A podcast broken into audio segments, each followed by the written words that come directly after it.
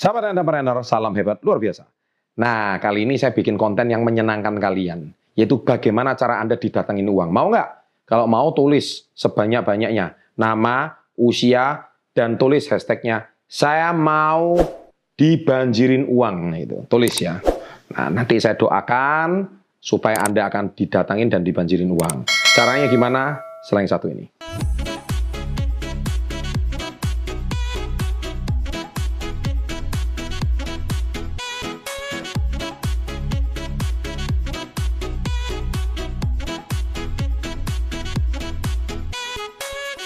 Nah, jadi gini ya, sahabat entrepreneur, otomatis eh, setelah tadi Anda menulis, dengan Anda menulis berarti kan Anda menunjukkan kalau Anda itu serius.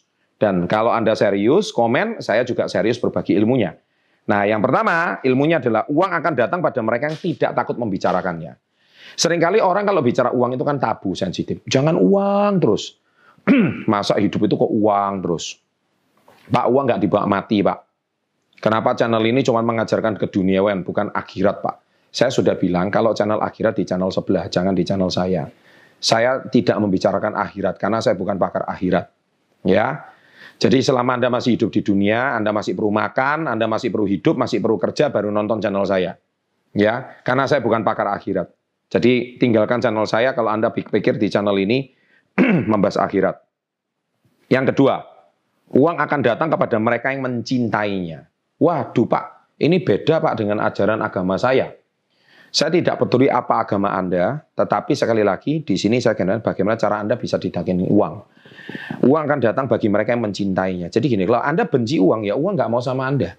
Sama kayak pria, ketika Anda membenci seseorang, ya bagaimana dia mau berteman dengan kalian. Uang juga sama. Loh Pak, berarti harus mencintai uang dong. Nah, saya beritahu, uang itu netral. Saya sudah selalu bilang, uang itu netral. Uang itu seperti sebilah pisau. Pisau itu kan netral. Pisau itu bisa digunakan untuk membunuh uang, membunuh orang, tapi pisau juga bisa digunakan untuk memotong wortel. Anda itu menggunakan pisau itu untuk apa? Ya, sekali lagi.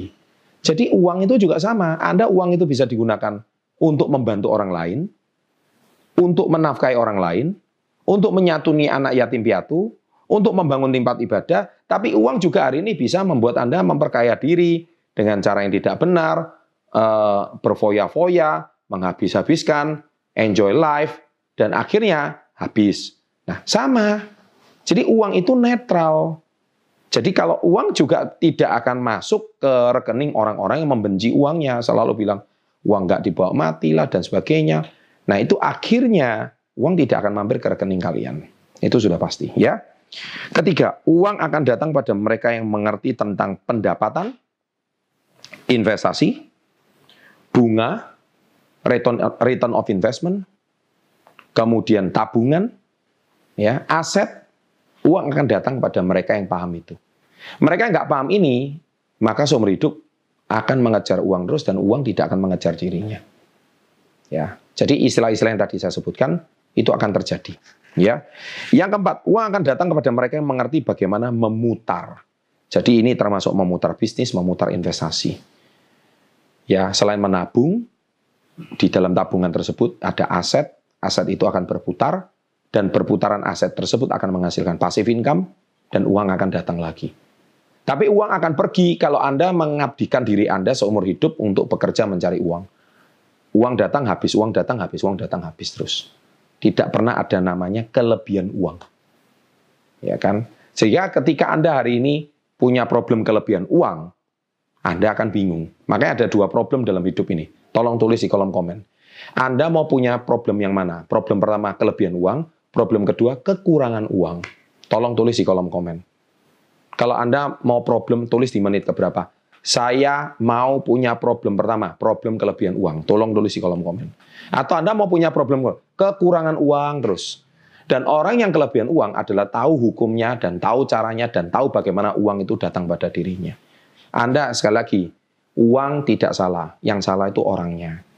Ya, oh, tulis itu juga di kolom. Uang tidak pernah salah, yang salah itu orang yang memiliki uang. Ya, karena orang yang baik, saya percaya orang yang baik, orang yang dermawan, dia dengan lebih banyak uang, dia akan lebih banyak dermawan. Dia akan lebih dermawan, lebih banyak membantu orang lain, lebih banyak membuat yayasan yatim piatu, membantu fakir miskin, ya kan, e, sodakohnya, sedekahnya akan lebih banyak. Seperti itu. Tapi kalau orang memang dasarnya jahat, dasarnya brengsek, dasarnya busuk, dengan kelebihan uang, maka dia akan menghambur-hamburkan uangnya dengan cara yang tidak benar, dan akhirnya hancur. Sekali lagi, uang itu netral. Nah, saya di sini itu bagaimana kan bagaimana uang bisa datang pada Anda. Nah, ini adalah konsepnya. Ketika Anda paham konsepnya ini, Anda akan tahu bagaimana ketika lebih banyak uang itu sebenarnya jauh lebih baik pada Anda, bukannya lebih jelek, ya. Dan yang kelima, uang akan datang pada mereka yang mengerti bagaimana melipat gandakannya.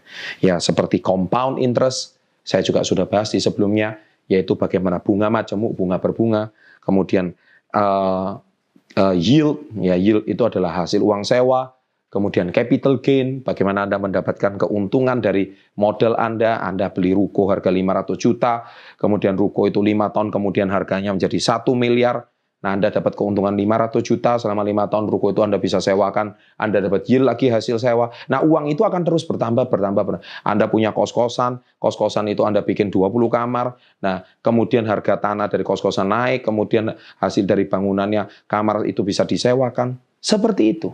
Jadi singkat cerita, uang selalu datang pada orang yang mengerti hal-hal ini.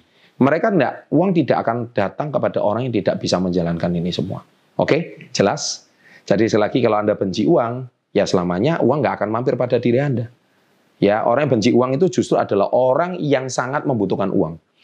Kenapa? Karena dia meminta uang terus, kekurangan uang terus. Karena dia benci uang katanya. Tapi kalau orang cinta, eh, uang dan dengan uang itu akan dia bisa membantu orang jauh lebih banyak.